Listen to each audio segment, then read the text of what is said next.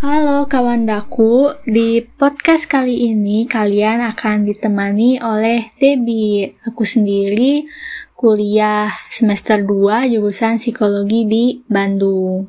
Nah, hari ini kita akan membahas tentang sesuatu yang sering terjadi di sosial media atau mungkin di sekitar kita nih. Ya, betul banget. Hari ini kita akan membahas tentang oversharing. Siapa tahu mungkin di antara kalian bahkan ada yang sedang mengalami atau merasa oversharing nih. Jadi, aku mau ajak diskusi bareng supaya baik aku atau kalian semua kawan aku yang lagi dengerin podcast ini bisa mendapat insight baru atau ilmu baru yang bisa diaplikasikan di hidup kalian. Dan pastinya aku nggak sendirian dong, aku bakal ditemenin sama narasumber yang luar biasa pada hari ini yaitu Kak Ayu. Halo Kak Ayu, apa kabar? Halo. Halo, boleh nih Kak Ayu kenalan dulu nih ke kawan daku. Halo, nama aku Ayu. Aku sekarang mahasiswa semester 4 di uh, Psikologi USU, Medan. Uh, malam ini aku bakalan jadi narasumber di podcast, podcast kali ini. Salam kenal. Wah, salam kenal Kak Ayu. Oke, kita langsung bahas aja kali ya. Uh, sebelumnya aku mau nanya dulu nih. Mungkin gak sih orang orang-orang itu tuh bisa over bisa oversharing itu karena adanya rasa nyaman gitu misalnya uh, dia ke temennya atau mungkin dia nyaman di sosial medianya atau mungkin ada penyebab lain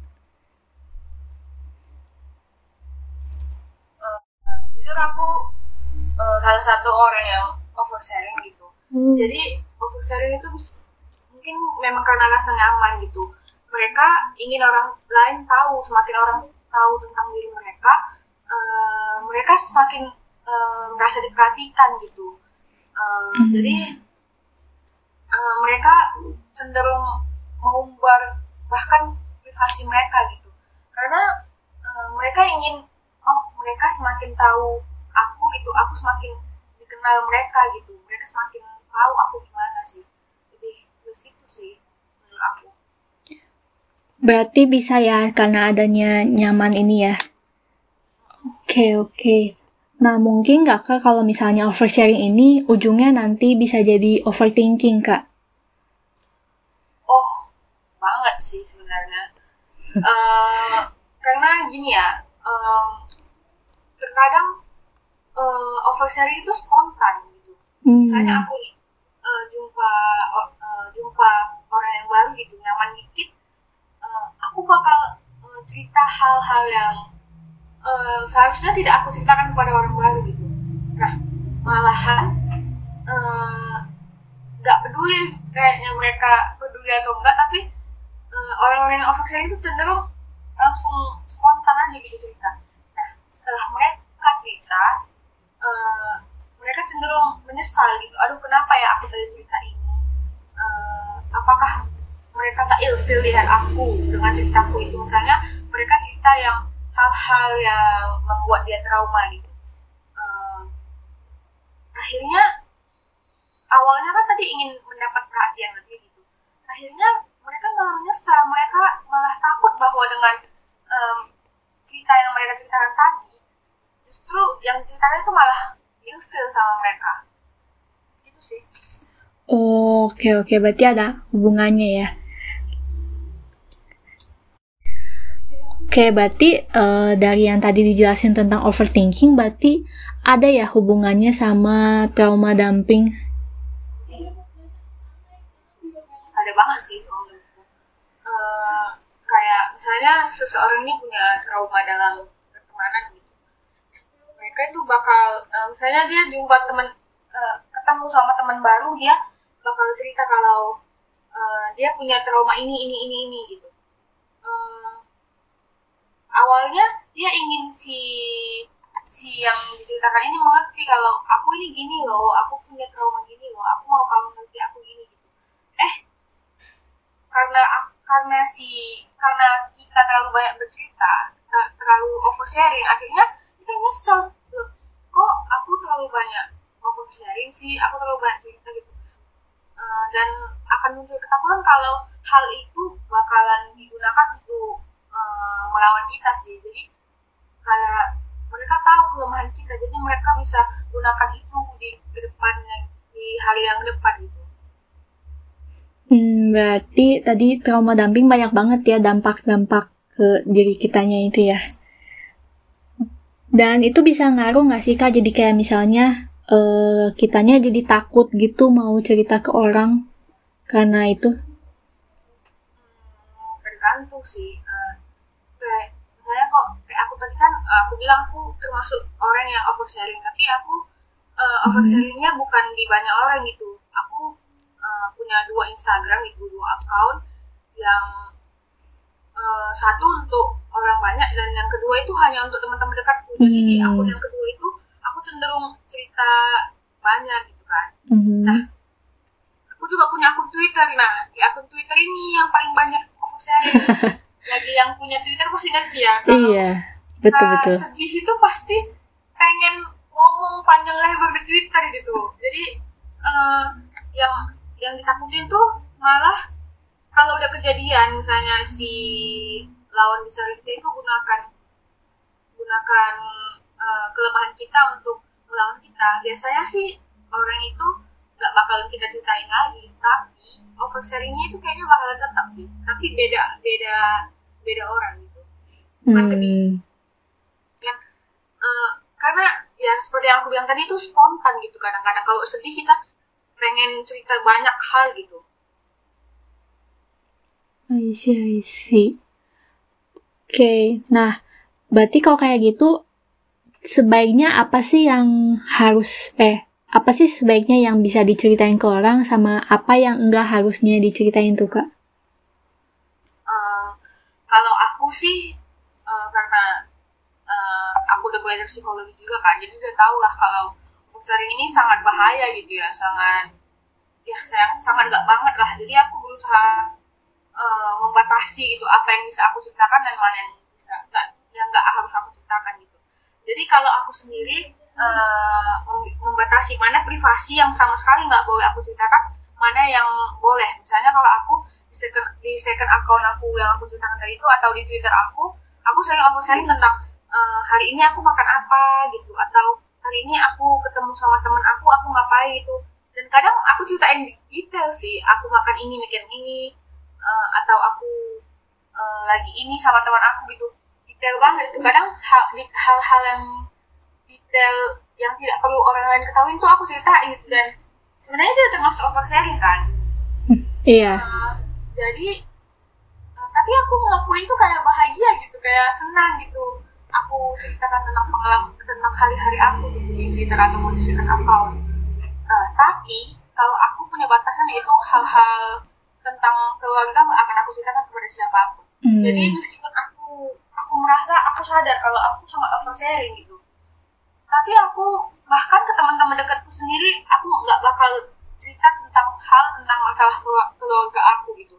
Atau misalnya aku lagi marahan sama mama papa aku gitu aku nggak akan cerita itu gitu karena aku anggap oh itu privasi yang betul-betul nggak boleh orang lain tahu tapi kalau sekedar aku hari ini makan apa gitu aku anggap itu oke okay sih untuk dibagi kalau aku lebih memilah aja sih mana yang menurut kita benar-benar privasi mana yang uh, oke okay untuk di sharing Hmm, berarti kita harus memilah, terus sama harus tahu batasan diri kita ya, kayak yang privasi-privasi kayak yang tadi tentang keluarga itu nggak harus diceritain ya, kayak gitu. Nah, kalau oversharing sendiri ada bahayanya nggak tuh, Kak? Hmm, bahaya sih yang tadi pertama overthinking kan. Iya. Yeah. Takut mereka menggunakan itu sebagai bumerang pada kita gitu, sebagai oh mereka sudah tahu kelemahan kita. Jadi misalnya hmm, ya kita jadi memiliki ketakutan sendiri gitu. Hmm. Terus nah, selanjutnya hmm, memudahkan niat jahat orang lain gitu. Jadi orang lain terlalu banyak tahu detail tentang kita jadi misalnya uh, lokasi rumah atau uh, nomor telepon uh, no, nama ayah ibu misalnya kan di Instagram juga ada kan gitu fitur yang baru ini yang tanya itu. Oh iya iya. Benar-benar itu baru. kan bahaya banget gitu. Iya. Uh, nama lengkap ibu nama lengkap ayah gitu. Jadi itu memudahkan orang lain untuk berniat jahat kepada kita. Hmm. terus uh, kita juga terlalu fokus pada sosial media gitu. Dan kita bisa dianggap orang lain tuh terlalu pamer gitu. Misalnya kita bangga kita juara satu ini di kelas atau juara dapat A ini di kelas. Kita pamer di IG kita gitu. Nah orang lain bisa menganggap kita itu aduh ini terlalu pamer deh atau kita tidak bisa dipercaya karena apa-apa diceritain gitu. Mm -hmm. atau sombong bisa aja gitu. Dan bisa aja itu buat kita gelisah terus gitu nggak mm. nyaman gitu.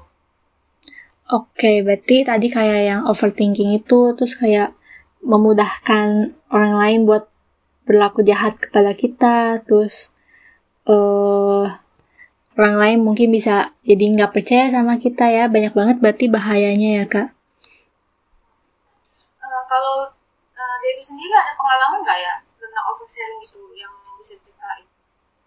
Kalau aku sendiri sih sebenarnya 11-12 ya sama kakak. Aku sendiri juga punya punya dua akun tiga sih sebenarnya. Satu lagi bener-bener yang kedua kan mungkin emang buat teman-teman deket kayak yang kuliah yang benar-benar deket atau mungkin yang teman-teman SMA terus yang ketiga ini benar-benar punya cuma punya aku sendiri sih. Jadi nggak nggak punya teman-teman lain nggak punya siapa-siapa. Nah situ baru yang benar-benar sharing yang kayak meluapkan semua emosi dan sebagainya. Nah itu pakai akun yang ketiga itu sih kak.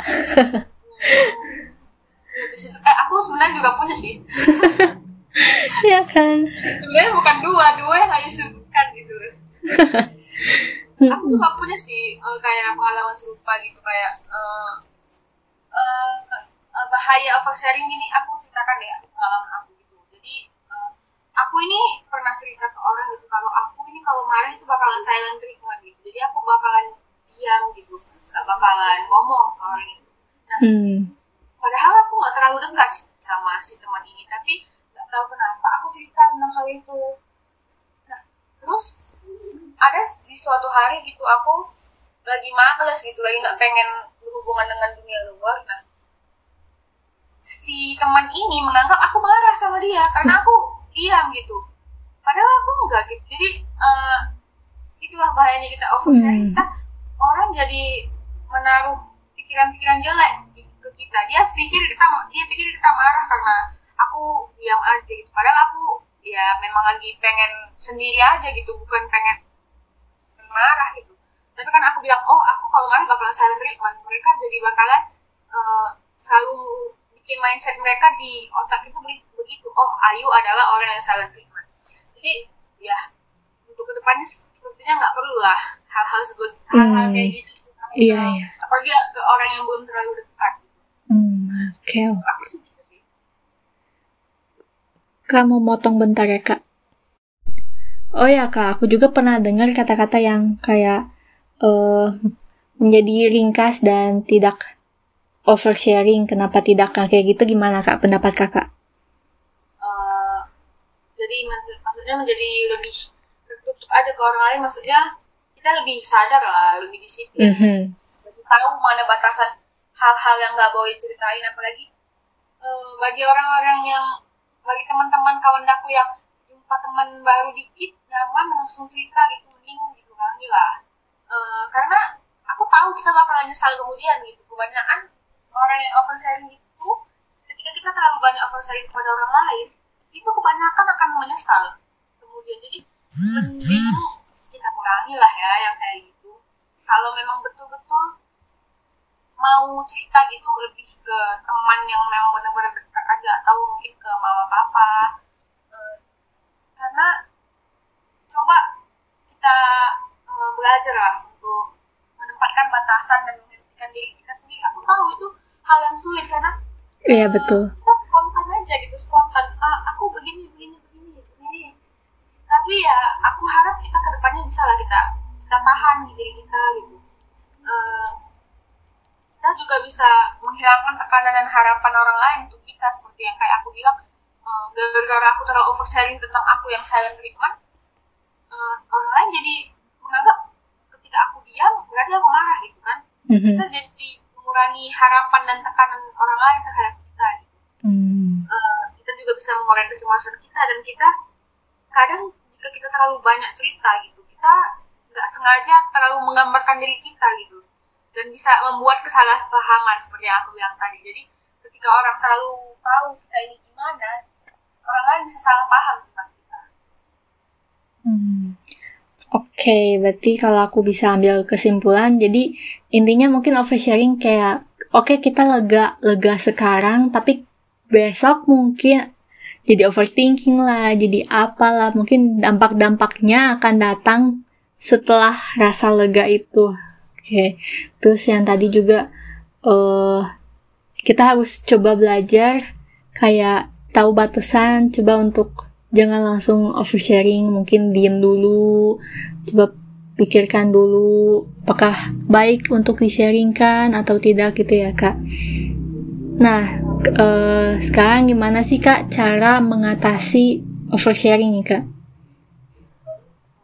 Yang pertama mungkin dari aku seperti yang udah dilakukan Debbie dan aku yaitu buat second account, buat ya. third account. Boleh, boleh guys. Buat third account karena memang benar aku kemarin karena uh, merasa aku terlalu oversharing pada orang itu aku akhirnya buat third account yang isinya aku sendiri gitu kan. Dan ya ketika kita pengen ada gejolak yang ingin bikin kita saya buat status tentang kita hari ini makan ini atau kita hari ini ini ini kita kita postnya jangan di second account di second account atau di first account. Kita fokus aja di third account. Jadi uh, kalau kita memang nggak bisa handle lagi dari kita untuk upload status kita upload status yang isinya kita jadi diri kita sendiri aja gitu. Jadi kita nggak bakal nyesal kemudian. Hanya kita sendiri yang tahu. Dan yang kedua mungkin first account sama second account accountnya bisa digunakan untuk sharing-sharing yang tentang edukasi misalnya tentang uh, misalnya kalau aku kan kuliah psikologi bisa sharing tentang hal-hal yang berbau berbau psikologi dan lain-lain. Hmm. terus yang kedua yang ketiga tadi cerita ke orang terdekat gitu misalnya. Bukan media sosial. Jangan dekat sama mutual Twitter langsung over sharing. Karena mutual Twitter itu belum pernah kita jumpai. Iya betul betul. Dunianya ya baik ada sih pepatah yang bilang kita lebih gampang dekat sama orang yang belum kita jumpai gitu. Nah itu jangan kita nggak tahu mereka itu gimana. Mending kalau memang mau cerita itu ke teman yang benar-benar udah dekat lama aja. Karena sebaik-baiknya mutual Twitter kita atau mutual IG kita kita nggak tahu hati dia sebenarnya mm-hmm. yang keempat itu menulis di buku. Jadi uh, seperti membuat mini blog atau diary aja gitu. Supaya hal-hal yang pengen kita ceritakan kepada orang lain itu kita tuliskan ke dalam tulisan aja. Untuk konsumsi pribadi. Yang kelima itu tahu batasan privasi kita. Uh, memang uh, kayak kalau memang ingin cerita cerita banget gitu ya pisah lah mana yang harus diceritakan mana yang harus disimpan gitu. Uh, kalau memang pengen banget upload sesuatu di media sosial ya harus ada lah batasan-batasan seperti yang tadi kayak hal-hal yang menyangkut keluarga mending nggak usah di share atau mungkin kita bisa sekedar share ya tentang apa yang kita makan doang. Jadi tahu lah batasan-batasan kita. Kita yang tahu batasan diri kita bukan orang lain uh, dan harus lebih tegas gitu tentang itu yang selanjutnya adalah mencari hobi baru misalnya uh, olahraga, lari pagi, atau mungkin uh, nonton Netflix, mm-hmm. nonton Netflix gitu. kita nggak akan berfokus pada terlalu oversharing di sosial media. Dan yang terakhir itu ketika emosi kita nggak kekontrol, misalnya terlalu sedih, terlalu marah, terlalu senang, atau terlalu khawatir, mending kita nggak usah pegang sosmed. Kayak yang aku bilang tadi, kalau kita terlalu sedih, pasti bawaannya pengen uh, upgrade. Iya betul. Iya ngerti. Pengen nge terus apa aja gitu. Kalau kita sedih itu aku tahu aku paham banget kita milenial ini paling pengen nge terus. Atau ketika kita senang juga mungkin kita pengen upload IG story terus ketika emosi kita tidak terkontrol lebih baik kita jauhi hal-hal hal-hal yang berbau sosial media. Terlalu khawatir, terlalu sedih, terlalu senang, mending kita nggak usah pegang sosmed. Lebih mending kita uh, share itu ke keluarga atau ke teman dekat. Karena karena kalau kita emosi kita tidak tidak ke kontrol biasanya yang suka oversharing itu lebih meningkat oversharingnya gitu. Semakin senang oversharing mereka. Makanya lebih mending kita tahan dulu dan diri kita dari media sosial itu aja sih hmm oke okay, oke okay. aku tarik kesimpulan berarti yang pertama tadi uh, kalau misalnya nggak bener-bener nggak bisa nahan banget di kita kita bikin akun ketiga jadi mungkin untuk kawan dengar aku ini yang sedang mendengarkan ini adalah surat terbuka bagi kalian untuk membuat akun ketiga ya teman-teman ya. Udah gitu kita harus uh, memakai sosial media kita untuk mungkin sharing yang kayak tadi. Kakak kan dari jurusan psikologi mungkin bisa sharing-sharing yang berhubungan dengan psikologi. Terus cerita ke orang-orang yang menurut kita tuh benar-benar udah deket-deket-deket banget tapi bukan ke orang-orang yang kita kenal dari sosial media gitu. Dan gitu kita coba cari kegiatan lain misalnya kayak olahraga kayak apa pun itu yang bisa uh, ngebantu kita lah terus kalau misalnya bener-bener lagi emosi lagi sedih lagi marah jangan deket-deket sama sosial media lah. Kita harus jauhi dulu mungkin bisa baca buku atau dengerin lagu atau pokoknya nenangin diri kita dulu ya. Nah mungkin ini pertanyaan terakhir nih kak. Buat teman-teman yang lagi mendengarkan ini uh, reminder nih kak supaya mereka tidak oversharing. Gimana nih kak? Yang pertama mungkin ingat kalau kita udah sekali up di sosial media itu nggak akan hilang. Selamanya bakal jadi tidak digital. Sebenarnya uh, aku jadi narasumber di dengar aku ini juga agak khawatir karena aku ngerti aku ini oversharing juga. Jadi aku kalau aku oversharing sini ini gimana? Bukan hanya teman-teman second akun aku yang lihat bukan hanya mutual twitter aku yang lihat tapi semua kawan aku yang dengar podcast ini bakal tahu aku gimana gitu kan. Uh, jadi sebelum melakukan sesuatu itu kita pikirkan matang-matang karena apa apa pun yang kita share di sosial media itu bakalan bertahan selamanya dan bakalan dari jejak digital kita nggak akan hilang itu. Dan kita harus belajar menekan batasan dalam sharing itu. Kita tahu apa yang harus di share apa yang boleh tidak di share dan lebih uh, mendekatkan diri pada teman-teman dekat aja sih. Uh, dan ingat bahwa oversharing itu tidak selamanya indah. Oversharing itu lebih banyak menimbulkan kerugian kepada kita. Jadi mending uh, kita ubah bagi teman-teman yang sadar oh aku ini oversharing banget ternyata. Kita harus berubah lah. Uh, kita harus ada niat bahwa kita nggak mau gitu lagi gitu. Karena dari yang apa kita dari apa yang kita diskusikan pada malam hari ini juga terbukti kan oversharing itu lebih banyak ruginya daripada baiknya itu itu aja sih Oke, terima kasih banyak Kak Ayu. Tuh teman-teman dengerin ya. Oversharing tidak selamanya indah. Oke, itu pesan paling penting ya. Tidak selamanya indah. Oke, terima kasih banyak Kak Ayu untuk sharing di podcast pada hari ini. Terima kasih juga untuk kawan dengar aku yang sudah mendengarkan sampai akhir. Sampai jumpa di podcast selanjutnya. Dadah.